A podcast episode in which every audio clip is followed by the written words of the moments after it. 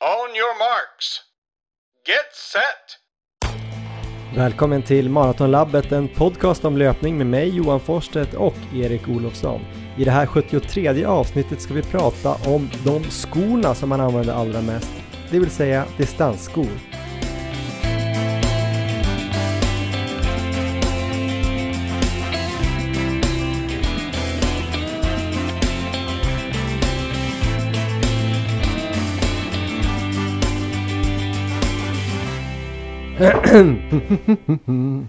La la la la. La la la la. Ja men då ska ni vara alla varmt välkomna till veckans avsnitt av Maratonlabbet som fortsätter att komma ut en gång i veckan.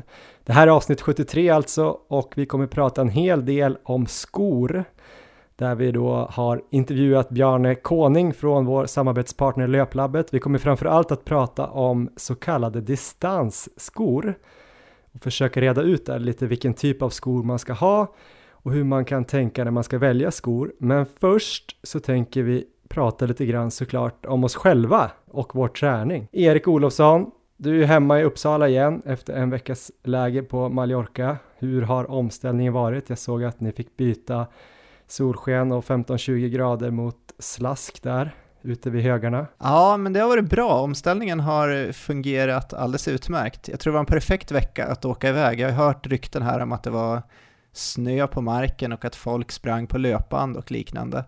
Men nu när vi har kommit tillbaka så är det ju precis som det var innan, så det är ju barmark och eh, perfekta förutsättningar. Du är ju nu inne på näst sista veckan här inför Barcelona Marathon som ju förhoppningsvis ska gå av stapeln den 15 mars. 12 dagar kvar nu när vi spelar in här. Nu ska ju formen börja komma här. Hur känns det egentligen? Och är det konstigt nu när så många lopp börjar bli inställda på grund av coronavirus? Är det liksom svårt att hålla fokus? Ja, det är lite både och. Alltså, vi har ju pratat väldigt mycket, om man tar andra halvan nere på lägret där, när man började kanske få aningar om att det kanske inte blir av, eller hur det nu ska bli av. I Tokyo till exempel så var det bara eliten som fick springa nu i helgen. Och det är väl inte eh, helt omöjligt att tro att det upplägget också kommer bli i Barcelona. Så det är ju bara, ja, jag är väl inställd på att eh, loppet ska bli av och eh, försöker ju ha fokus på det. Men samtidigt vet jag ju att det säkert är stor risk att det kommer bli inställt och då vet jag inte riktigt vad vi ska hitta på för att lyckas med det här SM-kvalet. Har du några idéer? Nej, jag har faktiskt inte gått in och kollat än eh, på andra lopp Eh, med respekt för dig, jag vill inte störa dig i uppladdningen här. Du måste ja. ha fullt fokus på den 15 mars. Eh, men ja, i värsta fall får vi väl, ja, jag vet faktiskt inte. Får vi väl skippa kvalet och springa under 2.35 i Stockholm istället. Ja, men det ska vi nog hitta någon lösning på om det blir så. Men just nu är det ju 12 dagar kvar och de senaste ryktena är väl ändå att allt ska gå som planerat så att det är det jag är inställd på nu och jag formtoppar för fullt. Precis, och eh, du har ju tränat efter planen. Idag vet jag att du har kört ett pass med Carolina Wikström i Uppsala, inomhus va? Ja. Hur gick det? Jag har inte hört någonting om det mer än vad ni skulle göra ungefär. Det var riktigt snabba farter tyckte jag. Ja, kom tillbaka för en timme sedan ungefär. Så det var jag och Carolina och en kille som heter Erik, duktig orienterare, som sprang.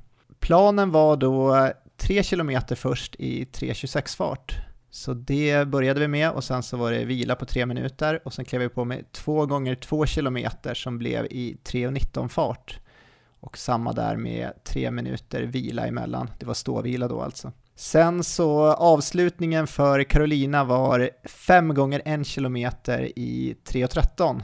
Då hade jag fått lite snällare där av Christian då, jag hade varit kontakt med honom där inför det här passet, hur jag skulle lägga upp det på ett optimalt sätt. Så att jag istället för 3.13 så låg jag på 3.16, 3.17 där. Så jag släppte dem lite och gick väl i mål där ungefär fyra sekunder efter på varje kilometer. Ehm, men eh, alltså det var tufft, jättetufft och snabba farter, men det kändes riktigt bra. Och eh, det känns så skönt nu att just de här passen, så här två veckor innan ungefär, eh, verkligen går bra och att de sitter. För att eh, inför Valencia så var det ju precis tvärtom. Det var ju nu jag kände att eh, pulsen bara stack iväg och jag var ju till och med tvungen att bryta pass då och så vidare och sen så har ju den känslan bara liksom följt med in på maran. Så just nu så känns det som att allt fungerar som det ska. Så att det här avsnittet vi hade om formtoppning verkar ju fungera. Alla råd vi har fått av Christian Munt verkar fungera, så att jag är eh, riktigt positiv. Du körde ju också något eh, i fredags som skulle vara det stora sista passet på veckan där i Mallis. Game Day. Precis. Vi fick, ju, eh, vi fick ju upp en lapp där på uh, torsdag kväll där det stod Game Day. Och uh, då var det ju två hårda pass då som lades på fredagen. Vi sprang i två grupper där, så det var ju en Eh, lite snabbare grupp då med Carolina och med Martin Öhman och Anders som var med på lägret också. Sen så kom ju även eh, den här norrmannen som jag nämnde i förra avsnittet, Ottar, och sprang och han hängde också på den gruppen. Han sprang ju jämt med Carolina i Barcelona halvmaraton där. Så han fick jobba bra på det passet för de eh, körde ju tre gånger sju kilometer där och det vart väl i någon slags eh, marafart där, 3.28 ungefär för Carolina. Så de såg vi till där under passet då och då. Själv så körde jag tillsammans med Viktor, Madde och Fanny.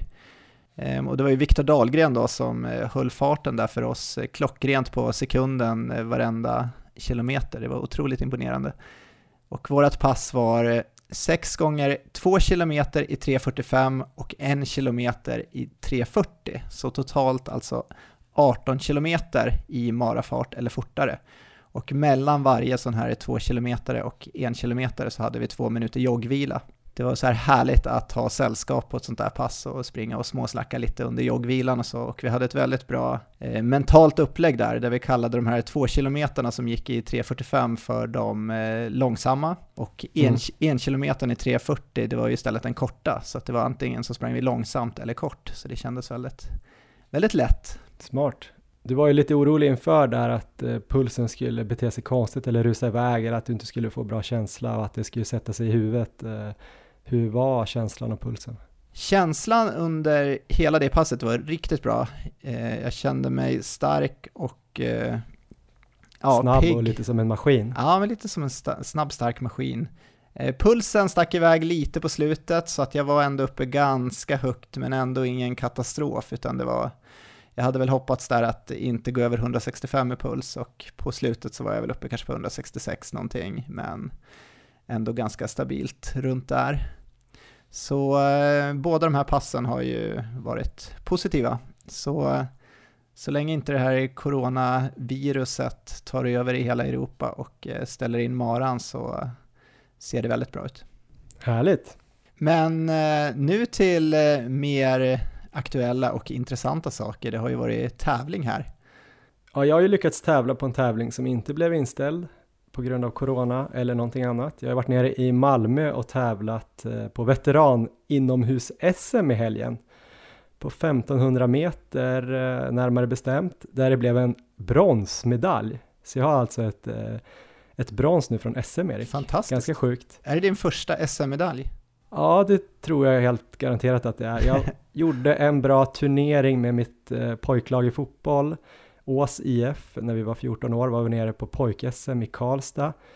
Vi missade A-slutspelet, men vi vann B-slutspelet och då blev vi nia där. Och eh, jag kommer ihåg att jag gjorde det snabbaste målet i hela turneringen och fick någon typ av, jag fick en sån här mini caller, eller vad heter det, en sån här sökare som doktorer har på läkarserier och jag tror de har det även i verkligheten. Just det. Den fått... använde jag typ aldrig, men eh, jag fick upp på en scen där vill jag minnas. Det är nog det närmsta SM-medalj jag kommit tidigare. Så nu har jag en i alla fall. Ja, spännande. Men samtidigt så lyckades jag också bränna det här första smala målet för 2020. Jag skulle ju springa under 4.30 och sprang då på 4.31.97. Ja. Precis två sekunder för långsamt. Um, så det var ju lite surt och eh, kändes lite snopet faktiskt efteråt. Ja, det var roligt. Vi har ju faktiskt snackat upp det här loppet ganska mycket nere på lägret. Vi hade ju bland annat en vadslagning där alla fick gissa din tid. Du fick ju alla de tiderna innan, men vi satte dem anonymt där så att du inte skulle känna för mycket agg där. Det var ju några som gissade faktiskt över 4.30. Ja, det var väl gissningar från 4.28 upp till att jag inte ens skulle komma till start. Och det sämsta resultatet var ju 4.38 som någon hade gissat. Eh, visade sig vara Christian Munt, så han har ju tydligen inte koll på löpning, i alla fall inte medeldistans. Men eh, vi följde ju det här loppet sen på flyget faktiskt. Eh, vi fick ju wifi där när vi flög hem så att vi fick ju rapporter där. Men det ska bli spännande att höra race-reporten för att jag vet ju faktiskt inte hur du upplevde loppet riktigt. Nej, men eh, jag åkte i alla fall ner samma dag med tåget på morgonen. Um, försökte också då testa hur det skulle bli inför Göteborgsvarvet när vi ska åka tåg ner loppdagen och sen tåg hem. Så det var ju lite litet prov här inför varvet. Um, kändes bra. Jag ska inte bli så långrandig men han ju i alla fall checka in på hotellet och uh, ta en powernap där. Allt liksom var utstuderat och förberett i minsta detalj. Och mina krafter hade ändå kommit tillbaka lite grann efter den här sjukdomen som jag Just hade haft eh, en vecka inför loppet. Jag tror jag var väl mer eller mindre halvsänkt eh, onsdag till onsdag. Eh, på onsdag samma dag som vi spelade in så eh, kom det ju aldrig någon, eh, något samtal från läkaren. Vi hade gjort blodprover. Så då tänkte jag nu är det nog bara att köra och så var jag och körde 200 på bandet, kändes bra och sen blev ju känslan lite, lite bättre för varje dag. Så att det kändes ändå helt okej okay att eh, springa. Jag kände mig inte så här kraft eller orkeslös på loppdagen. Eh, körde någon bra uppvärmning där i Pildammsparken i Malmö. Hade väl hyfsat bra koll på allting. Det är ju lite så här procedurer när man ska springa medeldistans. Det är ju så här att man ska skulle hämta ut eh, nummerlappen där och man skulle pricka av sig på något papper minst en timme innan och sen var det upprop en kvart innan. Så det är lite mer sådana här saker att hålla koll på. Är, man behöver inte vara så här hjärnforskare direkt, men det är ändå lite så här detaljer ja. som man ska som liksom stör lite i uppladdningen när man inte är van. Han du spana in motståndet någonting innan start? Ja, lite grann. Det kom ju faktiskt, en motståndare kom faktiskt fram till mig. Han hade skrivit typ samma dag att så här, vi ses på startlinjen på Instagram. Han eh, kom fram och snackade lite, psykade mig lite grann där, för jag trodde ju att jag skulle vara ganska säker på att plocka hem det här bronset, att Aha. jag skulle slå två och få stryka av två. Men då började han, den här killen snacka om att ah, men jag har också tänkt att springa där någonstans 4.30. Jag tyckte att dina tider såg bra ut där på Instagram. Jag hade lagt upp splittarna på stories. så jag kommer nog bara haka på så får vi väl se vad som händer. Jag har varit lite så här, äh, har lite problem med baksidan, men vi får väl se. Så då började jag känna så här, oj oj oj, nu kanske inte det här bronset är givet. Han kanske kommer ligga där och spurta om mig den jäkeln. Han var jävligt trevlig dock. Eh, så jag sa väl till honom att du får gärna ta bronset så länge vi båda springer under 4.30. Fast det menar du inte riktigt eller? Nej, precis. Det kändes ändå okej okay. och sen precis innan så såg jag den här uh, som kom tvåa då uh, från Terrible Tuesdays, Kristoffer Salmén och sen även ettan uh, Tesfaldet Negash heter han väl. Han hade ju också vunnit, de hade varit etta tvåa på 3000 dagen innan. Aha. Då hade väl den här Tesfaldet sprungit strax under nio på 3000. Just det. Så jag visste ju att de skulle bli svåra att tampas med, de såg väldigt snabba ut också. Sen slog de också ihop M35 och M40, så vi sprang samtidigt. Aha. Det fick jag reda på bara liksom eh, några sekunder innan start höll jag på att säga, men någon minut innan så fattade jag det och eh, upplevde väl ändå det som positivt för att jag hoppades att jag kanske skulle få någon rygg där som i M40 som skulle springa 4.30. Men det, det, blev väl inte riktigt så utan eh, det blev väl så att den här Tess Faldet och Kristoffer Salmén drog iväg direkt med en kille från M40. Så de bara försvann eh, första varvet, tror jag gick väldigt fort. Eh, första två varven har jag hört eh, efterhand. De släppte sen direkt och blev väl lite knäckta båda de där. Eh, Salmén och han som vann M40. Just det. Men jag släppte ju dem direkt, sprang första 100, det är ju ett halvvarv då man börjar med, 7,5 varv inomhus på 1500 och hade väl ganska precis 18 sekunder som jag skulle ha på en hundring. Tänkte så här, men då ligger jag nog bra fart. När jag varvade nästa gång hade jag ju bara typ 50-51 sekunder, så jag var ju redan där tre sekunder under måltiden. Jaha. För att, eh, ja men grejen var nog att den första hundringen det man inte tänker på, då startar man ju från stillastående. Aha. Så när jag väl kom upp i fart så hade jag nog lite för hög fart. Just så att, eh, ja, det kändes väldigt lätt i alla fall, men då blev jag lite så här, oj, jag kan ju inte springa så här snabbt, det kommer jag aldrig hålla liksom. Så Aha. jag slog väl av lite på takten. 500 hade jag på 1.30, så då kände jag så här, ja men nu ligger jag perfekt. Ja. Men problemet var nog att jag hade väl inte så här superbra fartkänsla för trefarten.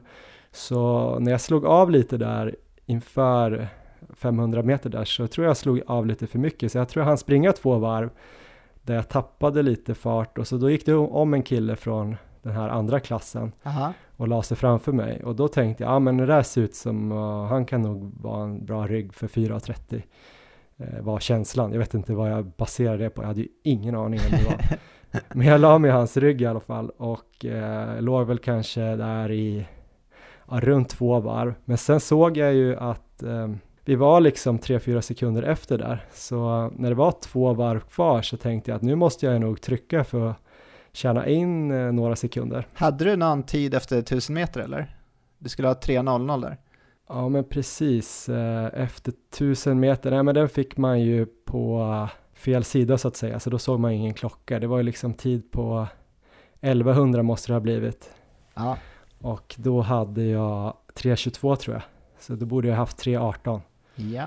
Och då hade jag två varv kvar, så var det. Och då eh, försökte jag ju trycka där, han ökade lite, han som var framför mig också. Varvade nästa varv på strax innan fyra och kände så här, shit, jag tyckte att jag ökade det där varvet Ja. och hände inte så mycket.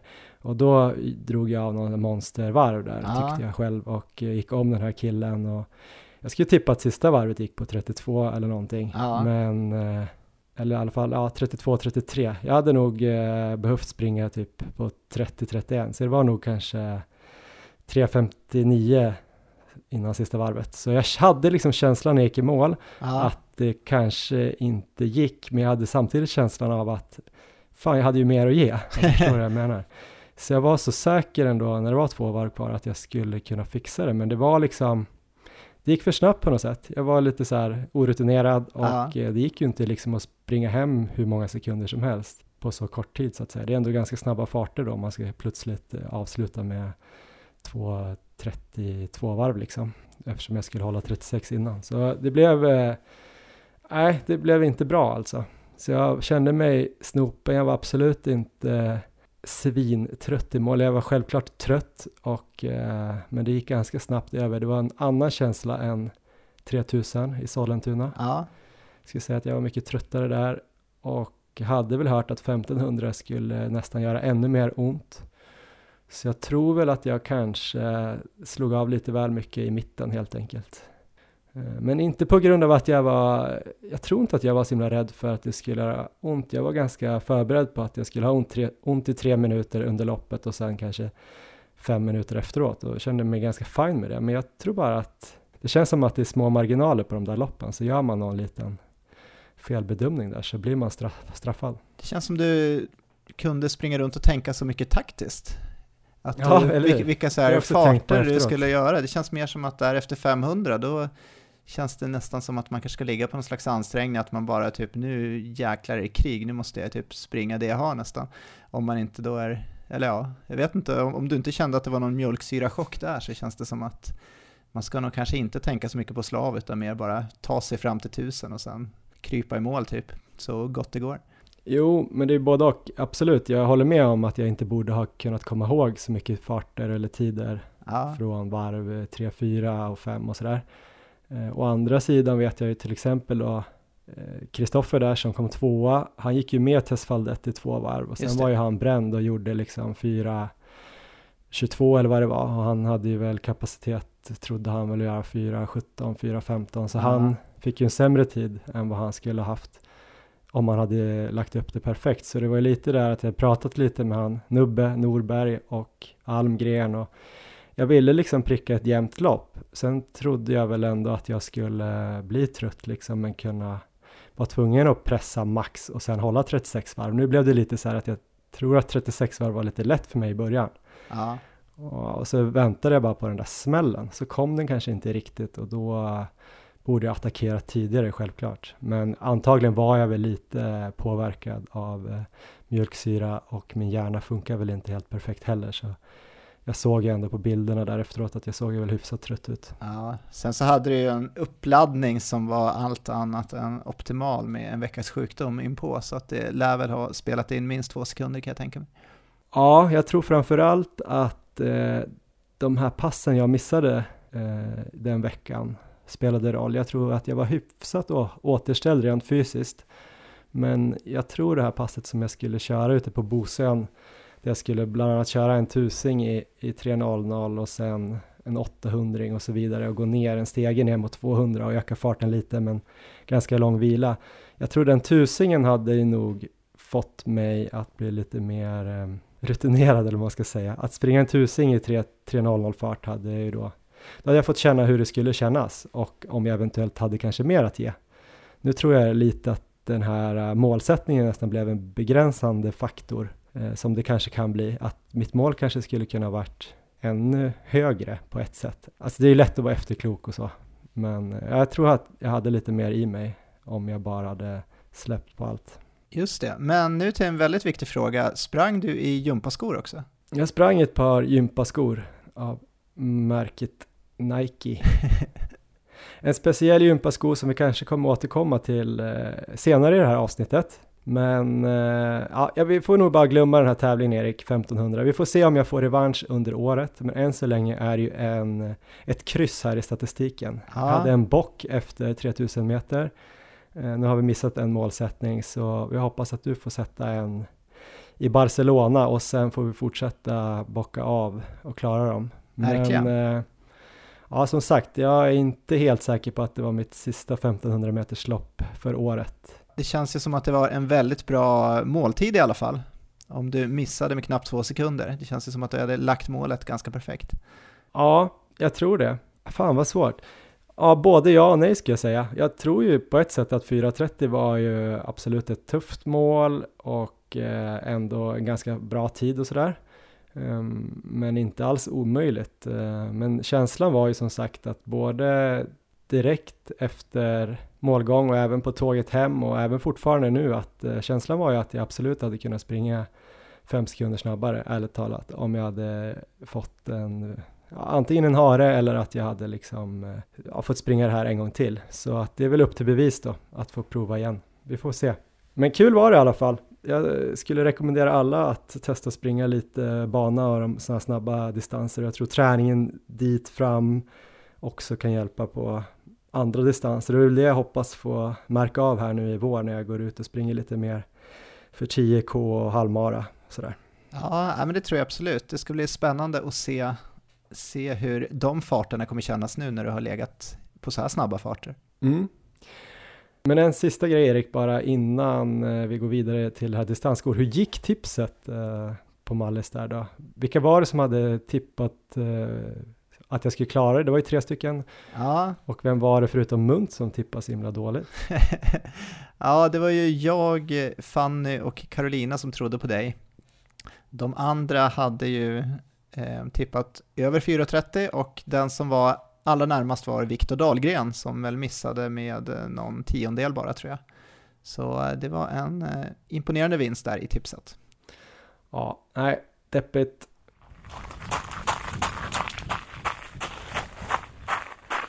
Idag ska vi också prata om skor har vi tänkt och vi ska fokusera på den här typen av skor som man använder allra mest, nämligen distansskorna.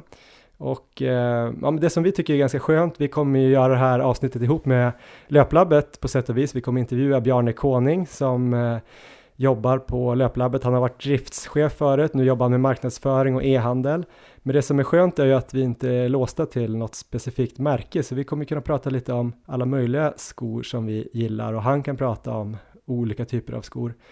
Så vi kommer ju då först här sätta igång det här ämnet med en intervju med Bjarne Koning som kommer handla om eh, vad distansskor är och lite vad man ska tänka på när man väljer dem och olika skillnader och sådär. Och sen kommer väl vi prata lite Erik om hur vi tänker och hur vi vill ha våra distansskor och vi har också provat tre modeller var. Du måste ju vara superexpert eh, som springer så himla mycket. Det ska bli spännande att höra vad du har att säga efter intervjun som kommer här. On your marks. Get set. Ja, men då får vi välkomna Bjarne Koning till eh, Maratonlabbet. Du jobbar ju med e-handel och marknadsföring på Löplabbet. Eh, välkommen hit! Tack så jättemycket! Kul att vara här. Idag ska vi snacka om distansskor och jag tänkte att vi skulle börja med att definiera just distansskor. Vad kännetecknar en distanssko och eh, vad är kanske skillnaden då mot andra löparskor? Jag skulle vilja säga att distansskon är, det ska vara slitvargen i din skogarderob. Ehm, en distanssko har du kanske 70-80% mm, av din totala mm, liksom, träningsvecka. Mm. Och här ska du prioritera komfort. Den ska skydda foten, alltså inte slita så mycket på fötter eller ben. Så den ska ju liksom hålla dig, hålla dig skadefri egentligen. Just det. Och vad är då skillnaden mot andra löparskor då som man kanske skulle ha på snabbare intervaller eller tävling eller tempo, tröskel och så? Ja, det, den största skillnaden är ju att här är det ju oftast, det här skiljer sig, det är ju lite smaksak då. Men oftast så är det lite mer stabilitet, eh, lite mer dämpning. Eh, lite mer lullull överlag i skorna. Eh, och kanske eh, ja, lite mer vikt egentligen. Det, jag menar, det gör ju inte så jättemycket om eh, en sko väger lite mer eh, när den inte tävlar. Liksom. Och, och, om den ändå gör så att den sliter mindre och håller dig skadefri så är det ju en ganska enkel prioritering att göra i det läget. Mm. Om man bara går in lite snabbt på det, vikten just eh, och vad det gör. Sådär. Mm. Eh, jag tror Vaporfly då till exempel, det finns ju massa olika bra tävlingsskor, men den ligger väl strax under 200 mm. gram. Och de här distansskorna, de kan ligga någonstans runt 270 upp mot 300 eller ännu tyngre. Mm. Vad eh, blir den stora skillnaden? Är det mer en känsla än att man faktiskt typ blir tröttare av att lyfta foten så att säga? Ja, jag, jag tror ju att ju, ju, mindre man är, alltså ju mindre man väger som löpare så är ju givetvis skillnaden större och mer påtaglig. Det skiljer sig lite grann hur man springer också för olika personer. Jag menar har du, har du väldigt hög frekvens och väldigt flackt steg så är du inte lika beroende av vikten. Eh, men eh, det enkla svaret det, skulle jag säga det är ju känslan. Liksom. Man, man vill ju känna sig lätt på foten när man springer. Liksom. Eh, eh, man känner sig inte lika snabb med en tyngre sko. Men om man tänker sig i, det här, i den här familjen distansskor, finns det olika typer där? Finns det olika kategorier eller hur ska man tänka där? Ja, det, det har ju, genom åren så har, har ju liksom distansskor kategoriserats upp med att vara eh, neutrala och för pronation och även för överpronation har man pratat då. Det har ju vi på Löplabbet valt att gå bort ifrån egentligen för att det blir lätt så att man tror att eh, ja, jag pronerar och, och, då behöver jag en sko som motverkar pronation. Och det är inte så det hänger ihop egentligen då. Så egentligen så, så kategoriserar inte vi skorna på det sättet. Liksom, I alla fall inte när vi kommunicerar utåt. Då. Sen så finns det ju eh, mer eller mindre stabila skor, eh, distansskor och mer eller mindre eh, dämpade distansskor. Eh, och de skiljer sig också både i stack height, alltså höjden på mellansulan och även i, i dropp då, skillnaden mellan häl och framfot i mellansulan. Ja, det, det, är svårt att kategorisera upp det utan att eh, ska man säga, skapa förutfattade meningar om vilken sko man ska ha. Just det. Men hur vet man ungefär vilken sko man ska ha då? Ja, det vet man Svår inte. Fråga. Det är lurigt det där. Ja, det är, det är en väldigt bra fråga. Och det enkla svaret är att eh, ja, det finns inget enkelt svar. Delvis vet man ju oftast i alla fall hur, mm, hur man vill att det ska kännas på foten. Eh, det ska man utgå från. Det är ganska avgörande om man har en bred eller smal fot. Um, om man är väldigt rörlig i fotleden eller har väldigt stela fotleder. Det är ju ganska avgörande liksom. Men det är svårt att ge ett enkelt svar på den frågan. Men är det också då om man är tung eller lätt och sådär, brukar man kolla så nu för tiden eller är det mer att man tittar på steget? Om steget då kanske, man kan ju vara tung men ändå kanske vara en driven löpare med eh, starka ben så att säga, eller mm, vill man ha? Mm. Det spelar ju in givetvis. Alltså är man, eh, om man är en tung löpare och inte sprungit så mycket så Alltså om man har en sko som är för mjuk i sin dämpning så slår man ju igenom den och då ger inte den så mycket dämpning. Om det är nu det man är ute efter då.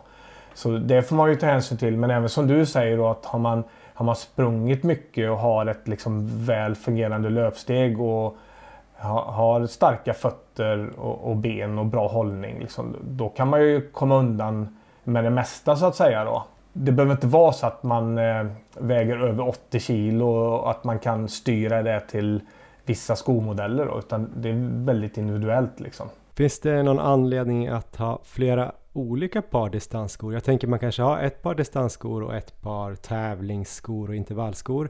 Men sen eh, finns det någon mening att ha flera par distansskor till och med? Det tycker jag absolut. Sen är det väl alltid en avvägning på hur mycket man springer kanske och sådär då. Eh, men, men delvis så håller ju skorna längre om du växlar mellan skorna. För att om du springer i samma sko, i alla fall om du springer ganska mycket och springer i samma sko, då hinner den liksom aldrig eh, torka upp ordentligt mellan löpturerna och då slits den väldigt fort. Växlar du mellan två skor då förlänger du livslängden. Så eh, totalt så är det ju mer ekonomiskt att ha flera skor att välja mellan. Liksom, så, så pass mycket som tre par skor. Och sen så den största anledningen är ju egentligen att om du har tre skor som är lite olika i uppbyggnaden. Du kanske har en med lite tjockare mellansula och lite mjukare dämpning. Eh, du kanske har en som eh, ja, eh, lite lägre dropp och, och svarar lite mer, lite mer responsiv. Då varierar ju belastningen väldigt mycket på foten och på, på benen. Så att det blir inte den monotona, det, det sliter inte på exakt samma ställe på knäleden varje gång utan den får en liten variation då.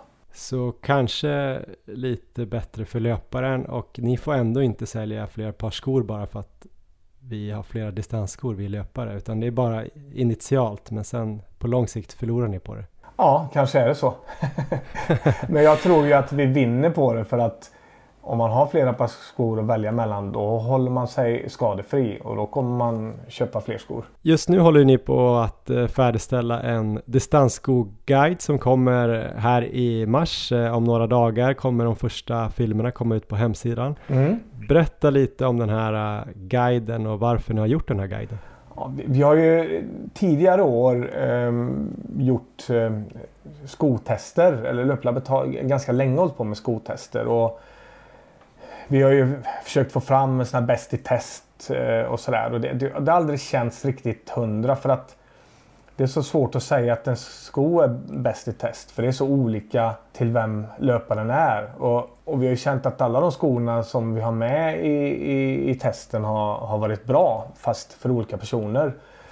Så de senaste åren har vi valt att eh, istället kalla det för en eh, skoguide. Och, och syftet är ju liksom att hjälpa löparna att hitta rätt sko för just deras löpning. Då.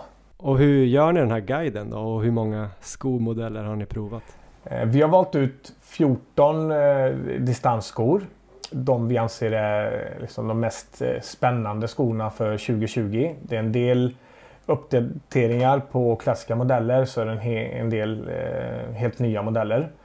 Eh, och så fördelar vi ut dem på jag tror det är cirka mellan 25 och 30 löpare som är med och springer på olika nivåer. Det är alltifrån eh, de som springer någon gång i veckan till de som springer uppåt eh, närmare 20 mil i veckan. Så vi får en bra spridning. Eh, och så får de fylla i ett formulär med frågor och så gör vi en sammanställning på detta. Och sen så har ju de som leder testet en gedigen kunskap om skor och läster och passformar i lag. Då. Så gör vi sammanställning och eh, presenterar de här då via, via film. Vad är det de här testarna har fått eh, tänka på? Är det samma saker ungefär som man själv ska tänka på när man ska köpa ett par distansskor? Ja, inte riktigt. Det här blir ju liksom, vi är ute efter att få eh, just den löparens upplevelse då. Alltså vi försöker undvika saker som hur, alltså, att man ska så här, bedöma passformen från bra till dålig. Det blir väldigt konstigt att ha en så här, jättebra passform. Det är ganska dålig information till någon som tittar på en film och så för att den, den här skon har jättebra passform. Och så har en testlöpare liksom jättesmal fot och, och så har den som får informationen jättebred fot. Då är sannolikheten ganska stor att det är en ganska dålig passform för den som som får informationen. Så att vi försöker ju mer prata om att man tänker på hur är passformen? Alltså, och man får, ner, får information som att den är bred i framfoten, har en hög tåbox. Alltså den sitter tight i hälen. Så man kan liksom göra något av den informationen då. Det är ju jättebra att veta att om en sko sitter tight i hälen kanske man känner aj, det där är nog ingenting för mig. För jag liksom, det gillar inte jag alls när det klämmer åt i hälen och jag har problem med hälsenor då. Eller att man gillar att det är mycket rymd i tåboxen för man gillar att kunna vicka på tårna när man springer. Eh, när man provar en sko själv så är det ju då kan man ju verkligen se om det är en bra passform eller inte. Liksom. Och det är väl det man ska fokusera på. Hur den känns på foten, om den sitter bra på foten. Och sen är det ju andra saker som hur, hur, hur dämpningen är och så. Men det är ju väldigt personligt. Alltså gillar man en studsig sko eller gillar man en liksom mjuk känsla? Eh, eller är man ute efter att man ska sitta som ett skruvstäd liksom, i, i skon, att den ska ge en väldigt stabil känsla då. Mm. Jag tänkte, vad är den största skillnaden mellan de här löparna som då kanske springer någon gång i veckan och de här som springer 20 mil och kanske till och med jobbar som löpare? Brukar det vara väldigt olika preferenser på just distansskorna eller kan de liksom gilla samma beroende på foten? Eller förstår du vad jag menar? Mm. Nej, de kan, eh, de kan gilla samma, absolut. Så att, eh, och slutsatsen är att en person som springer två dagar i veckan kan ha samma skor som den som springer liksom tio pass eller mer per vecka. Så är det. det. Men man ser ju att det kanske är lite olika fokus när de beskriver skorna. Eh, man pratar, eh, om man springer mycket så är man, man pratar om respons och löpkänsla och lite sånt där. Och om man inte springer så mycket så är man kanske mer ute efter eh, liksom komfort och, passform och sådär. Det är väl det som man kan se. Nu har jag inte sett hela eh, sammanfattningen än då. Ni har alltså provat 14 par skor i den här. Finns det några generella trender för distansskor våren 2020? Ja, det tycker jag. Kanske inte för 2020 men de senaste åren. Jag tänkte du, du pratade lite grann där om vikt och sådär. Eh, att ja. eh, du sa så här, kanske till och med över 300 gram. Eh, och jag menar för, alltså backar du för 5-6 ja, år sedan så var det ju nästan ovanligt att en distanssko vägde mindre än 300 gram. Om man hårdrar det lite grann. Så att en trend är att de blir lättare hela tiden. Eh, de blir lättare, det är nya innovationer eh, när det kommer till mellansula som ger väldigt mycket dämpning eh, och, och, samtidigt respons. Så det är väl där trenden är. Det händer väldigt mycket på mellansulan och dämpningsmaterial. Eh, sen också utformningen på mellansulan. Eh, det har ju varit en lite grann av en succéhistoria med Vaporfly eh, och, och hur, hur den konstruktionen ser ut. Och eh, Hoka har ju under många år liksom haft en specifik konstruktion på mellansulan. Så blir det här lite rocket-konstruktionen som ger en hjälp i löpsteget. Att man får lite mer driv i löpsteget. Och det ser vi ju här. Det, det är ju många varumärken som, som har hakat på det på i alla fall några modeller. Då. Kan du beskriva den här rocket-konstruktionen för de som inte har koll på den? Ja, ska man säga det, det, det blir som en liten vagga egentligen. Eh, att när man står i den och så lutar man sig lite lätt framåt då är det lätt att eh, falla. Liksom. Så den, liksom, den hjälper foten i just avslutningsfasen. Då. Ja, den får lite extra skjuts då. Så om man lutar sig bakåt så är det nästan så att man ramlar åt det hållet också? Ja, fast inte lika mycket då utan det är mer, mer fokus är ju på att driva det framåt. Men den är ju lite som en vagga bakåt också för att så att den inte ska bromsa i liksom, isättningsfasen. Då. Man ska hjälpa till att få en bra löps, löpcykel så det ska bli som ett hjul. Liksom. Men av de här 14 äh, paren då, jag antar att du också har provat eh, alla eller de flesta i alla fall. Finns det några av de här skorna som du tycker sticker ut på något sätt? Ja, det finns det. Ehm, det är ett nytt varumärke som vi har med som inte har eh, sålt på Löplabbet förut. Eh, Sketchers. Eh, det är ett varumärke från Kalifornien. Det var en helt ny känsla tycker jag. Kanske delvis för att jag inte har sprungit i dem innan då. Men de har ett väldigt spännande mellansulmaterial som just ger den här väldigt dämpad känsla men ändå är det bra liksom, respons. Det kan ju vara så lätt att om den är väldigt dämpad skon att den känns att den dör liksom. Att den är ganska jobbig mm, att springa i och den blir inte så studsig då. Men eh, där tycker jag de har lyckats få till det väldigt bra med sin, sitt material. Eh, Hyperburst, det kallas då. Um, sen så mer, jo men Essex har ju en ny modell som heter Nova Blast. Väldigt spännande. Jag blev väldigt förvånad när jag satte foten i den bara för det är helt nytt eh, tänk om man jämför med Essex hur de brukar kännas på foten. Eh, de har en ganska traditionell känsla och de har känts eh, väldigt lika under många, många år Essex-skorna. Men det här var något helt nytt. Eh, och jag gillar den, eh, verkligen den känslan man, man, man, fick. Det är ju nästan som vi funderar på, ja, men det här är ju nästan en liksom snabbdistanssko. Liksom. Fast eh, vi hamnade ändå, nej men det är ju en sko för distansträning. Men, men den är väldigt löpglad liksom och, och rolig att springa i samtidigt som den är eh, väldigt dämpad. Då. Så de tycker jag sticker ut lite grann, rent spontant. Så här. Är det de två du kommer välja att ta med i din egen garderob? Ja, inte nödvändigtvis. De kommer nog ingå där också. Nu har jag dem i min ägo så de kommer vara med i min, vad säger man, shoe rotation garderob. Men eh, ja, det är en sko från New Balance som heter 1080 som jag har sprungit mycket i. Den har, eh, ligger ganska nära hjärtat. Den har nog fått göra mest mil egentligen. Och den har ju också det där lite, alltså den är väldigt väldämpad och, och, och, och sparar fötter och ben väldigt bra. Men samtidigt då så, så blir den inte liksom klumpig och tråkig att springa i. Då. Det är en väldigt bra kompromiss tycker jag. För det ska ju vara roligt liksom. Det ska, vara, det ska kännas kul om man var ute och springer. Det ska inte kännas som man behöver hasa sig fram bara för att hålla sig skadefri liksom. Utan man vill det ska vara en god känsla. Ska man bara tänka på skadegrejen då kanske man ska stå inne och köra cross-trainer istället. Det Precis. är inte så kul. Ja, vem vill göra det? Nej, ingen. Nej. Ja, med de orden tycker jag nästan att vi ska avsluta den här ja. intervjun. När kommer de här filmerna då börja rulla ut eh, om de här olika skorna på er hemsida? Ambitionen är att de ska eh, komma ut vecka 10. Då kommer de komma ut både på vår Youtube-kanal och på vårt Instagram. Eh, och även på vår hemsida. Då. Suveränt Bjarne. Stort tack för din tid. Tack så mycket för att jag fick vara med.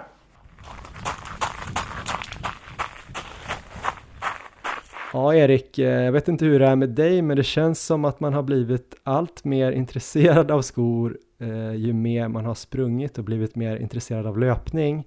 Förut kanske man bara hade typ ett eller två par skor och tänkte att det var väl inget konstigt med det. Eh, hur har dina tankar utvecklats under de här sista åren och kanske speciellt det här året när du har sprungit typ eh, vissa veckor kanske du har gjort så här 13, 14, 15 mil distans. Du borde ha blivit skoexpert för det här laget. Ja, men jag kände att jag lärde mig mycket i den här intervjun bara, så jag var definitivt ingen expert på förhand. Innan så sprang jag mycket i sådana stabila skor, för jag hade ju fått höra för många år sedan att jag pronerade lite lätt på ena foten.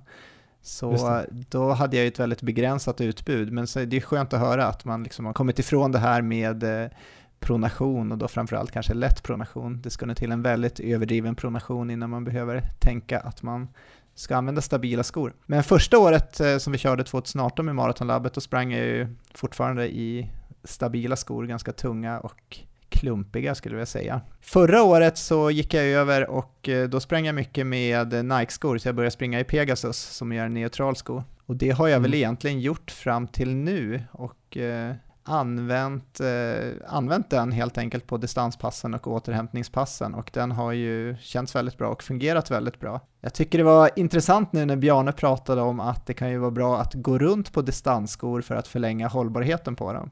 Mm. För det har inte jag tänkt på alls egentligen, att även skorna behöver återhämta sig efter passen och inte bara vi som springer. Och speciellt då kanske jag som kör mycket dubbelpass med distans eh, på förmiddag och eftermiddag och sen så har jag använt samma sko där. Jag lär väl ha slitit rejält på de här Pegasus-skorna. Så eh, det här, det här känns ju bra. Nu ska jag börja gå runt lite på lite olika par och se om de kan hålla lite bättre och längre kanske. Ja, men det verkar ju som att både skorna blir mer hållbara av det och även kanske en själv som löpare också, speciellt om skorna är lite annorlunda och kanske lite annorlunda dropp där som han var inne på, lite olika sulor och känsla och sådär. Det kanske är så att det slits på lite, lite andra ställen om man byter sådär. Mm. Sen tipsar han också om eh, just det här med hur man ska ha skorna. Man ska gärna förvara dem ganska mörkt och torrt så här mellan också. Att man inte ska kanske ha dem eh, i eh, solljus eller att det lyser in i hallen via något fönster så här på dem. Att de torkar ut också.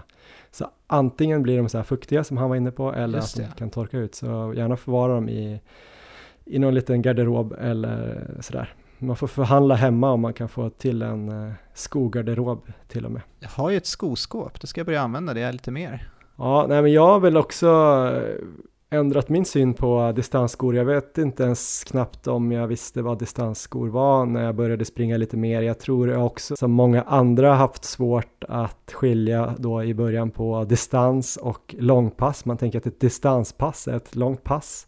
Sen fattar man, ju, jaha, distanspass är allt det här mittemellan. Eh, behöver man ett par specifika skor för det?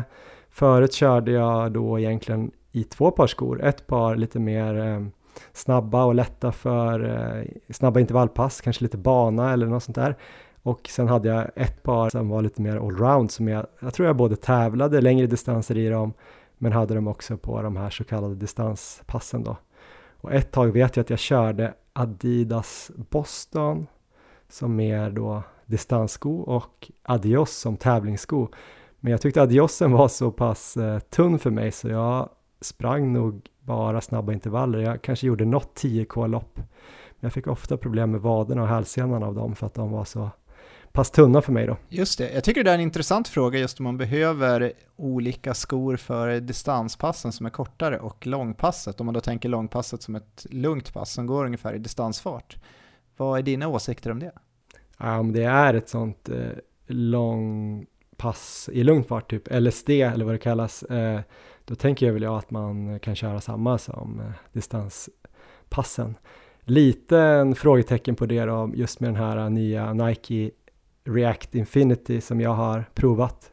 Just eftersom David Nilsson snackade om att den Ja. skulle användas då mellan 8 och 14 kilometer. Alltså, det var ju bara något ungefärligt, men han skulle inte använda den på långpassen. Så det här är ju ett litet frågetecken. Och jag läste även på eh, Nikes hemsida där de hade samma rekommendationer, att den kanske inte var en sko riktigt för långpass, utan det var mer för de där distanspassen ungefär i de längderna som eh, David nämnde, eller kanske framförallt om tiden då som han är ute. Vi vanliga dödliga kanske springer lite kortare på våra distanspass. Min åsikt annars är väl att om det är ett långt eh, långsamt pass så tror jag man kan ha samma skor som distansskorna om de eh, känns tillräckligt eh, uppbyggda och bra för ändamålet. Eh, däremot om man ska ha något snabbare långpass med fartökning eller marafart inne i dem eller ännu snabbare farter så vill man ju ha ett par ganska lätta rappa skor som påminner om sina tävlingsskor, tycker jag.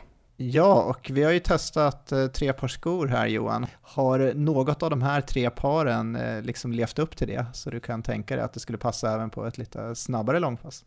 Jag tror nog ändå att jag hittat eh, något par här som kommer bli lite halvfavoritskor. Jag har ju också då, ska jag bara säga innan här, kört ganska mycket på Pegasus. Efter min eh, Boston-period där gick jag in på Pegasus 32 tror jag det var. Jag tyckte de var väldigt sköna och har haft nog varenda modell fram till 36an som väl är den senaste som har släppts. Den kommer jag nog fortsätta använda. Den har jag ju och eh, men av de här tre som jag har testat så tror jag att jag har blivit lite såld faktiskt på Nike Infinity. En eh, väldigt skön sko som har väl lite den här rocket eh, utformningen som Bjarne snackar om. Och vi har ju pratat om den här skon lite grann i tidigare avsnitt när vi var på ett event med Nike. Gillar ju att den eh, skon är sån här flyknit, den smiter om perfekt runt foten. Känns nästan lite trång i början. Men det gillar ju jag som gammal fotbollsspelare och sen så töjs den ju ut lite successivt när man använder den. Eh, Det känns som att den är väldigt så här studsig och responsiv och den känns lätt. Den väger väl någonstans runt 270 gram tror jag i US 9 som är, faktiskt är min storlek också. Eh, Så det är ju absolut eh, långt ifrån eh, Vaporfly då som kanske väger 180-190 gram. Men, ja, men det känns riktigt pigg och sen är den jäkligt snygg och jag är rätt ytlig person så att, den kommer jag nog använda. Jag tror faktiskt att den kommer jag kunna använda på lite längre pass än bara vanlig distans. Jag tror jag absolut kommer använda den på kanske så här kenyansk distans eller progressiv distans. Ja. När jag vill kanske avsluta lite snabbare. Eller kanske även norsk tröskel tror jag på, alltså lite eh, någonstans runt marafart, eh, kanske sådana någonstans 10k i, i, i den farten. Um, ja, men de kommer jag nog gilla. Sen ett annat par som jag faktiskt har gillat av de här jag har testat är ju faktiskt ett par som jag, när jag såg dem, de, den första anblicken kände så här, de här kommer jag nog inte gilla. Men de har ju faktiskt, eh, jag börjat gilla successivt här och det är faktiskt ett par som du också har provat. Och det ska bli intressant att se om det är de du inte har gillat. Ja. För du har sagt till mig att det är ett par du inte har gillat. Och det är ett par Asics eh, Gel Nimbus Light. Det är alltså Nimbus fast en lättare version som jag tyckte såg lite klumpig ut och ganska så här bred sula, ganska rymlig i eh, framfoten, alltså tån där. Jag gillar ju som sagt när den skorna sitter åt ganska bra, men det är väldigt bra hälgrepp och ju mer jag sprungit i den så har den, eh, den har faktiskt känts piggare än vad den eh, såg ut från början. Så den har jag börjat gilla också. Den tror jag kanske att jag kommer använda lite mer på lite så här lugnare distans ändå. Men man kanske känner att man den är inte så härlig så att man bara vill trycka på och sticka iväg i någon intervall. Så jag tror att den kommer hålla tillbaks mig lite grann, men den, kommer, den känns ändå så himla den känns ändå så pass lätt att jag kommer gilla att springa i den. Den ja. känns ganska så här äh, snäll också mot foten. Jag har inte haft problem någonting med hälsenan när jag sprungit med dem. Så det är ju positivt. Hur gillar du den? Jo, men jag har faktiskt ganska samma åsikt som dig här. Det har varit en av mina två favoriter. Kanske mm. till och med den största favoriten. Det är två där som jag tyckte var riktigt bra.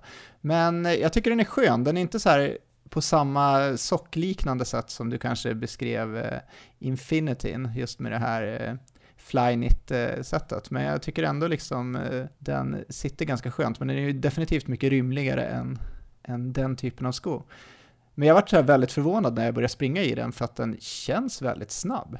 Och jag har sprungit mm. lite i Asics-skor tidigare Um, och jag har aldrig liksom haft den känslan förut, så det känns som att de har, måste ha gjort någonting här nu på slutet som verkligen har fungerat. För att jag var ute och sprang med den igår och uh, ja, skulle bara köra vanlig distans, men jag hamnade i typ 4.30 fart och uh, mm. flöt på superbra. Så um, jag kan nog tänka mig att ha den här skon ganska mycket på distanspass när jag ändå känner mig lite piggare och kanske ska lägga in lite strides eller backsprints och sånt för att den, eh, den känns ganska vass. Mm. Sen har vi båda testat eh, ett par New Balance-skor fast vi har testat olika versioner eller olika typer av distansskor. Du har ju testat den här 1080 ja. och jag har testat den mer kanske klassiska traditionella 880. Så har jag i alla fall försökt eh, fatta det, skillnaden jag såg eh, någon eh, jämförelse här på internet och, och, din sko, eller den skon som du har är ju lite mer det här moderna, lite tjockare sula, lite mer eh, vaggan tror jag och den 880 känns mer som den här Asics-skon, att den är ja, platt där bak, eller vad man ska säga. Den tyckte jag om ganska mycket från början faktiskt, den här 880, men jag har inte blivit så bra kompis med den eh, efter ett tag. Den var ändå ett par som jag trodde skulle bli andra skorna då efter Reacten eller Infinityn. Ja. Ju mer jag har sprungit i den desto lite klumpigare har den känts faktiskt. Den, eh, jag vet inte riktigt när jag skulle vilja använda den. den eh, det är inget fel på den sådär, men eh, det är bara det att eh, det känns inte lika kul att sätta på sig den och sticka ut och springa. Den är lite, lite tyngre, men jag tror det handlar om liksom 10 gram eller någonting. Men eh, det är också, det är inte lika bra passform för mig. Nej, precis. Hur var 1080 då? För den känns eh, som att den var lite eh, lyxigare och även Bjarne verkar ju gilla den. Ja, precis. Det var ju den han pratade om i intervjun också. Och jag tog ju med den ner på lägret här. Jag hade inte med alla mina distansskor. Men den hade jag med, så jag sprang ju mycket med den nere på Mallorca. Ehm, och den, eh, känslan är lite ungefär som eh, typ Vaporfly Flyknit när man sätter på skon. Det är verkligen den här strumpliknande eh, känslan men ändå med ganska bra utrymme för tårna så det är inte att det blir kanske exakt lika tight då, som det blir på dem. Eh, den är otroligt bekväm, den sitter riktigt skönt, den är liksom den klart eh, skönaste, i alla fall för mig. Den har en sån ganska intressant hälkappa, har du sett hur den ser ut? Ja, jag såg att det var lite speciellt där. Ja, den går liksom upp bakåt.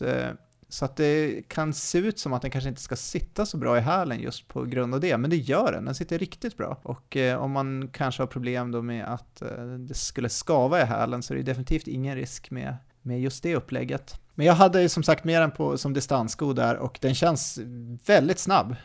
Eh, den är ju, jag tror den är lite lättare än de andra två jag har provat, definitivt lättare än, än den sista skon som jag ska recensera. Mm. Så att den här var jag så nöjd med när jag var nere och sprang i Mallorca så jag tänkte att de andra två kommer ju inte ens komma nära. Den känns liksom både bekväm, väldämpad och väldigt snabb. Så den är jag superpositiv till, men sen så måste jag säga att eh, A6 Nimbus Light var eh, riktigt bra också, så att eh, jag vet inte riktigt vem jag skulle sätta högst av de här två. Jag tycker båda är bra alternativ. De sista skorna, vilka var det och vad är det du kanske inte gillar med dem? Ja, men de sista jag har provat är ett par från Brooks som heter Levitate 3. Ja, de eh, påminner kanske i passform lite om den här Asics Nimbus Light. Um, så det är lite mer utrymme än New Balance-skon. Den känns dock väldigt tung och klumpig tycker jag jämfört med de andra. Mm. Och när jag var ute och sprang så jag fick inte alls den här fartkänslan som jag fick med de andra skorna utan här var jag nere i långsammare distansfarter. Jag vet inte om den kanske kan passa bättre till löpare som väger lite mer. Den är, den är väldigt tung, tycker jag. Jag funderar lite på hur jag liksom skulle kunna använda den skon om jag ändå vill springa med den och det vill jag väl. Och jag kan tänka mig en sån här återhämtningspass då, till, till exempel om jag haft ett riktigt hårt kvalitetspass och sen ska bara springa i väldigt lugnt tempo nästa dag, då kan jag tänka mig att jag går runt och kör lite på den skon trots allt. Men eh, mm, jag är inte alls lika positiv med den här skon som med de andra två. Ja men så där kan det ju vara och det verkar ju vara lite olika för olika löpare. Ta ett par som ni blir glada av som sitter bra på foten så tror jag det kommer gå väldigt bra i alla fall. Men eh, till sist då Erik, hur många distansskor kommer du gå runt på nu tror du? Och eh, kommer ha liksom olika skor för olika ändamål eller är det mer att du kommer varva för att eh, de ska få torka upp mellan? Ja, det är ju både och känner jag. Att har jag två distanspass samma dag så är det ju bra att varva. Just så att de får torka upp lite och sen så kör jag ju, om jag kör strides till exempel eller vaxsprints, då brukar jag bara ha det på ett av eh, de två distanspassen jag kör den dagen. Så då på det passet väljer jag ju kanske A6 Nimbus Light eller eh, 1080 och eh, det lugnare passet kanske får gå i det andra paret eller möjligen Brooks då om jag har ett återhämtningspass. Sen så kommer jag fortsätta springa lite med Pegasus också, jag gillar ju den, den har ju varit väldigt bra. Mm. Så något sånt, själv då? Ja, men jag tänker nog lite samma, jag kommer nog kanske då använda Asics-skon kanske när jag har ett pass där jag kanske inte riktigt vet om jag ska springa snabbt eller eh, långsamt på distansen. Där jag kan tillåta mig själv att ligga lite lugnare men även kanske ändå att det finns lite glädje i dem. Sen tror jag den här Infinityn, den kommer vara lite farlig för mig för att jag tror att jag kommer bli sugen på att trycka på med den. så den kanske jag inte ska ha om jag inte riktigt känner att jag har superben för distans. Sen tror jag också jag kommer ligga kvar på Pegasusen. Ehm, den tycker jag är så pass eh, bekväm och härlig och eh, ja, den är mjuk och känns snäll mot fötterna. Så där tror jag kanske lite längre distanspass skulle den passa då. Ehm, ja, något sånt tror jag. Så det känns lite märkligt att eh, även löpning nu börjar bli en materialsport för oss. Ja. Men man får väl eh, vara glad för att det ändå är då i princip bara skor man behöver tänka på. Det är ju inte som att man ska ha tolv olika klubbor i golf eller en cykel som man kan tävla på, en cykel som trainer och en i, i skogen eller sådär. Det hade ju blivit ännu värre.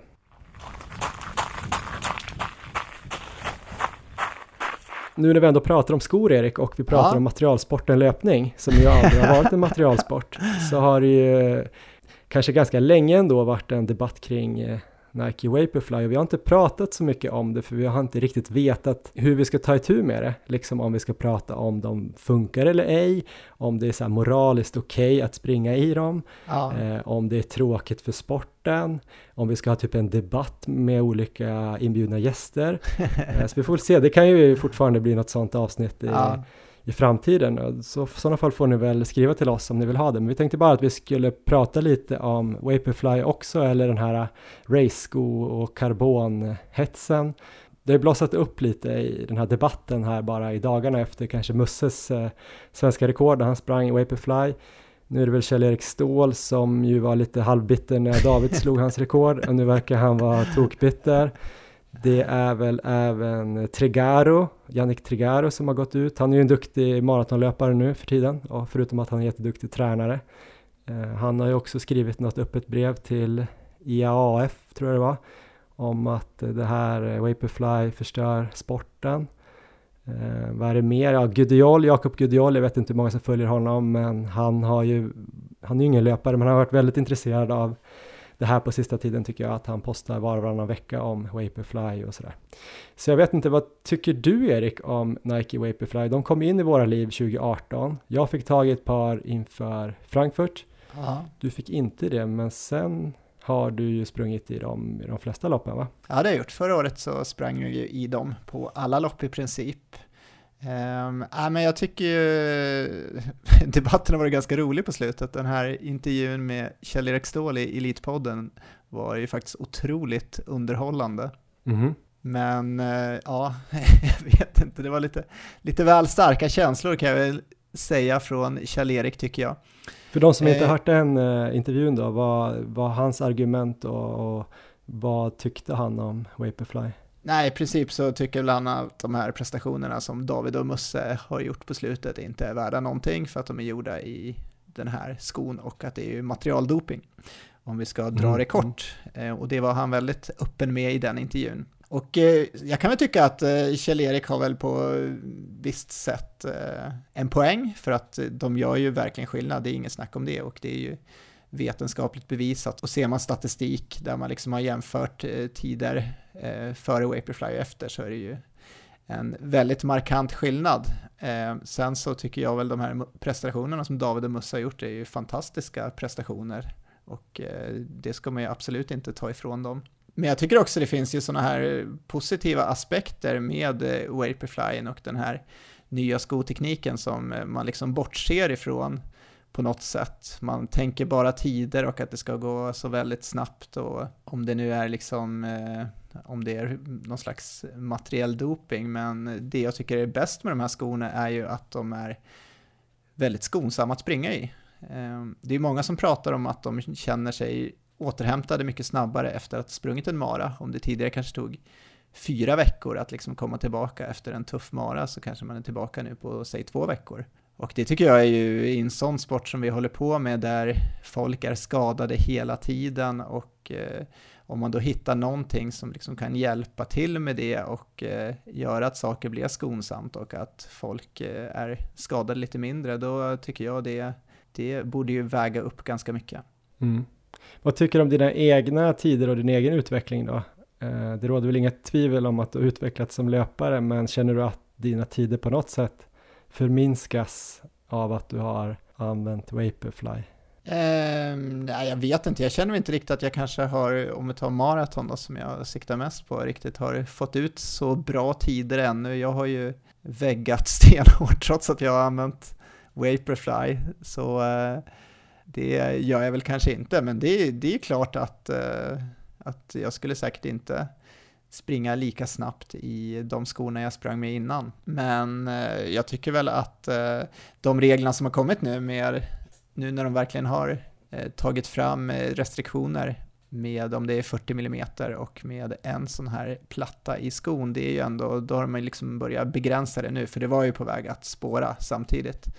Den här skon mm. som de hade tagit fram som Kipchoge sprang i sitt Breaking 2-projekt och som de väl hade delat ut här på förhand till, det var väl Sondre, Mo Farah och någon till som fick dem där nere i Afrika eh, strax innan de blev förbjudna. Eh, de hade ju tydligen gjort sån här ja, enorm skillnad. Det var väl ett mycket större hopp till den skon än vad det liksom har varit mellan eh, de tidigare modellerna, så att det var nog på väg att spåra ur, så att det är ju bra att de har i alla fall satt upp gränser nu. Jag kan vara lite kluven ibland när jag tänker på min egen utveckling, att eh, ja men tänk om det bara är att jag har fått bättre skor de här två åren, eller vad det nu är vi har hållit på. Det är bara därför jag har blivit bättre på att springa. Vilket jag tror är orimligt för att jag vet att jag sprungit snabbare i andra skor också. Men ändå. Å andra sidan så känner jag väl att eh, ja, det ska bli bra nu med att lite andra modeller kommer ut här under våren. Andra företag som har kommit ikapp nu förhoppningsvis. Sen kanske de inte är lika bra de skorna men de har i alla fall gjort en egen version. Det tror jag kommer bli bra. Jag tror att det är väl kanske bara en utveckling eller? Det lär ju varit sämre skor på OS i Stockholm 1912 på maraton än när Kjell-Erik Ståhl slog sitt svenska rekord också eller? Ja, jo, det har det ju absolut varit. Sen så, det har väl inte hänt något på väldigt, väldigt länge, så det är väl först nu på sista åren som det kanske verkligen har Mm. eskalerat. Men jag håller med om att eh, nu när de andra märkena kommer här med sina modeller, det ska ju bli väldigt spännande att, eh, att se liksom vad, vad folk tycker när de provar. Till exempel idag så sprang ju Erik här, den här orienteraren jag pratade om, när vi sprang vårt pass. Han sprang ju i Sketchers nya modell som väl ska vara en sån här Vaporfly-variant om vi får kalla den för det. Ehm, Det var ju med sån här platta i där i alla fall och eh, han, eh, han var väl positiv, han tyckte kanske att den inte kändes lika mycket som så här, vad ska man säga, maratonlik som eh, kanske en Vaporfly gör utan att, men att den skulle nog vara väldigt bra för 5 och 10 kilometer. Mm. Och sen så, mm, Brooks släppte väl sin förra helgen och sen så Just var det ju det. även här, Elite. Precis, och även här i helgen så var det ju den amerikanska uttagningen till OS på maraton. Och eh, där var det väl majoriteten som sprang i nya Alphafly från Nike, men det var väl även lite nya andra modeller som användes där. Jag tror faktiskt det var flest löpare som hade fortfarande Vaporfly Next Percent Okej, och sen eh, var det den här nya då. Alla kanske inte har fått tag i den nya modellen. Men sen var det lite andra, bland annat Brooks, Hoka, Armelong. Så det var ändå ett gäng, men det var väldigt många, jag tror det var så här 95% hade ändå eh, någon ny sko med karbonplatta och någon ny typ av mellansula där. Så det verkar ändå vara svårt att vrida tillbaka det nu tänker jag. Och Ja. sen tycker jag väl lite grann, lite av den här kritiken som jag kanske tycker är lite konstig, det är väl det här att eh, inte alla har tillgång till samma sko och sådär. Och det tycker jag är trist i sport om det skulle vara så. Ja. Att, eh, som Formel 1 har jag alltid tyckt varit lite tråkigt för där känns det som att vissa bilar är snabbare. verkligen. Så att eh, beroende på vilken eh, bil man får köra så kommer man vara olika bra.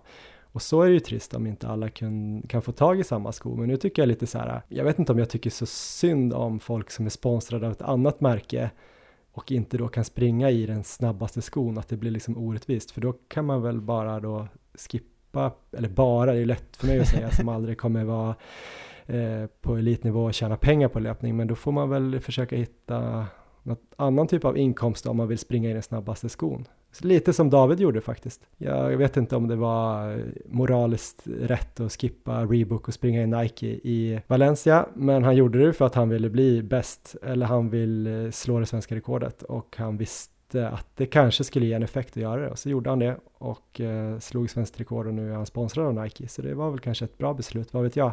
Ja, Men eh, så kan man ju göra. Det är inte så att det inte går att få tag i Nike. Och där har väl också en ny regel kommit att eh, från och med all, alla nya modeller som släpps efter sista april i år skon måste ha funnits på marknaden i fyra månader innan man får använda dem i ett lopp som jag har fattat det. För då kan ju inte någon Nike-atleter springa i någon ny sko plötsligt i OS utan då har ju alla möjlighet att välja att ta den. Så är man då Adidas-löpare eller Brooks-löpare så kan man ju då välja att så här, äh, men jag måste springa i de här Nike-skorna för de är mycket snabbare. Jag har testat det på träning. Jag får bryta kontraktet för OS är större än pengar för mig. Ja, så att de här reglerna som kommer på slutet gör i alla fall att det känns som att det går åt rätt håll nu.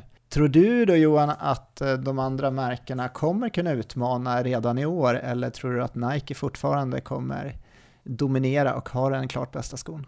Det är en jätte, jätte, jättesvår fråga Erik. Jag har för dålig insyn i skobranschen. Uh, jag kan typ inte svara på den. Jag tror ju att det alltid är svårt när man har ett sånt eh, försprång. För det verkar ju ändå som att Next Percent var lite bättre än Vaporflyen. Och jag läste någonstans att det tog ungefär 18 månader i skobranschen från att man då kanske ser en ny modell på marknaden till att man själv då kan skapa något liknande. Att det är liksom ganska långa ledtider och man ska ja, rita upp den här skon och få den producerad och den ska funka och man ska testa den och sådär. Och då vet jag väl inte, då har man väl gått på den första Vaporfly-modellen, om då Next Percent var lite bättre och Alphafly kanske ännu bättre så kanske de här nya modellerna från andra företag kanske kommer bli Vaporfly-liknande, men då kanske Alphafly är ännu lite vassare. Så det återstår väl att se, men någon har ju säkert träffat ganska rätt tror jag. Ja, det blir spännande. Det är ju som jag har förstått det när jag har lyssnat, jag har lyssnat på en del poddar och så här om, med just de här debatterna och det är väl egentligen inte den här karbonplattan som är det som gör att Nike-skorna är så snabba utan det är väl den här foamen, alltså själva dämpningen som de har lyckats väldigt bra med materialet där så att eh, energiåtergivningen blir liksom väldigt stor. Så att där kanske nyckeln kommer för de andra företagen att om någon träffar rätt där så kan det nog bli riktigt bra. Ja men Erik, vi får väl se om det kommer några nya kul skor här i, i vår. Um, om vi bara blickar lite kortare framåt då. Som vi sa i början här, 12 dagar kvar till Barcelona ja. om det blir av. Ja. Uh, hur uh, känns det nu då? Och uh, hur lägger du upp träningen? Har du gjort ditt sista hårda pass nu? Var det idag? Um, ja, i de här farterna så var det idag. Sen på fredag så har jag ett lite mer marafartsliknande pass. Inte något av de längsta marafartspassen jag har haft, men eh, Eh, ändå upp lite i de farterna och sen så är det väl mer formtoppning som gäller sen, sista med lugnare pass och eh, ja, bara lite fartinslag egentligen. Men ja, det känns väl bra. Jag, det känns som att eh, just hela den här coronadebatten och om loppet blir av eller inte på något sätt har tagit ner kanske, ska man säga, stressen lite grann, vilket kanske kan vara positivt. Så nu är jag, ja, jag är fokuserad på loppet men kanske inte lika fokuserad som jag hade varit annars för nu kanske jag inte riktigt tror att det kommer bli av och det kanske blir bra i det långa loppet.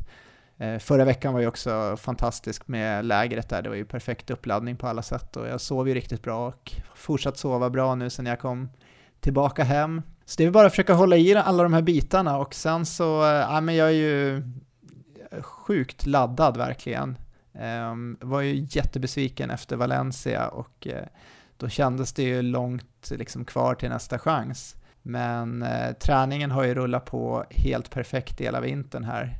Så jag har haft kontinuitet och uh, hög volym hela vägen in och lyckats få till den här Canova-träningen som jag började prata om här i, mm. i den första avsnitten för året. Det har ju fungerat. Jag har ju kunnat köra alla de här passen jag har planerat och velat och inte liksom haft några problem med känningar och så här så att jag har eh, missat träning efteråt. Så eh, nu så känns det som att det kan gå att kvala in till eh, SM i maraton och springa under 2.39. Jag känner mig väldigt positiv. Ja, men det verkar vara en väldigt bra mental eh, balans i alla fall. Du radar upp eh, positiv mening efter positiv mening och det känns som att eh, mm, det kan bli riktigt intressant där. Någon eh, oro att det kan bli en liksom så här måste-lopp, att du måste under 2.39 nu det har gått så bra? Ja, men eh, så är det ju. Det måste jag ju ändå erkänna att eh, om jag nu inte skulle klara det nu, jag vet ju samtidigt att det är ju väldigt tufft, det fick jag ju uppleva i Valencia, jag ska ändå ta pers med typ åtta minuter, så det är ju inget man gör på beställning. Men jag kommer ju, jag känner kanske mest press från mig själv. Jag kommer bli väldigt besviken om det inte skulle gå nu och då kommer jag ju verkligen eh, börja ifrågasätta min kanske kapacitet löpmässigt och det känns ju tråkigt. De tankarna får jag försöka slå ifrån mig nu för att eh, det går ju inte att göra liksom mer än att eh, komma till loppet så väl förberedd man eh, bara kan och det känner jag att jag definitivt kommer göra. Härligt. Ja, man får nog hitta en bra balans där. Jag har tänkt på också nu efter eh, helgen här att eh, målsättningen är ju en sak och man vill ju ha den för att träna mot den. Eh, det är såklart, jag hade gärna velat sprungit på 4.29.97 istället för 31.97.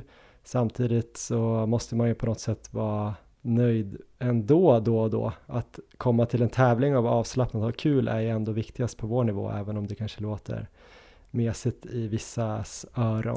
Ehm, det är speciellt att försöka hamna i den här äh, exakta balansen mellan äh, att målet blir för stort och ger en press och att det blir för avslappnat att man inte riktigt bryr sig. Eh, hoppas du hittar rätt där, det tror jag. Ja.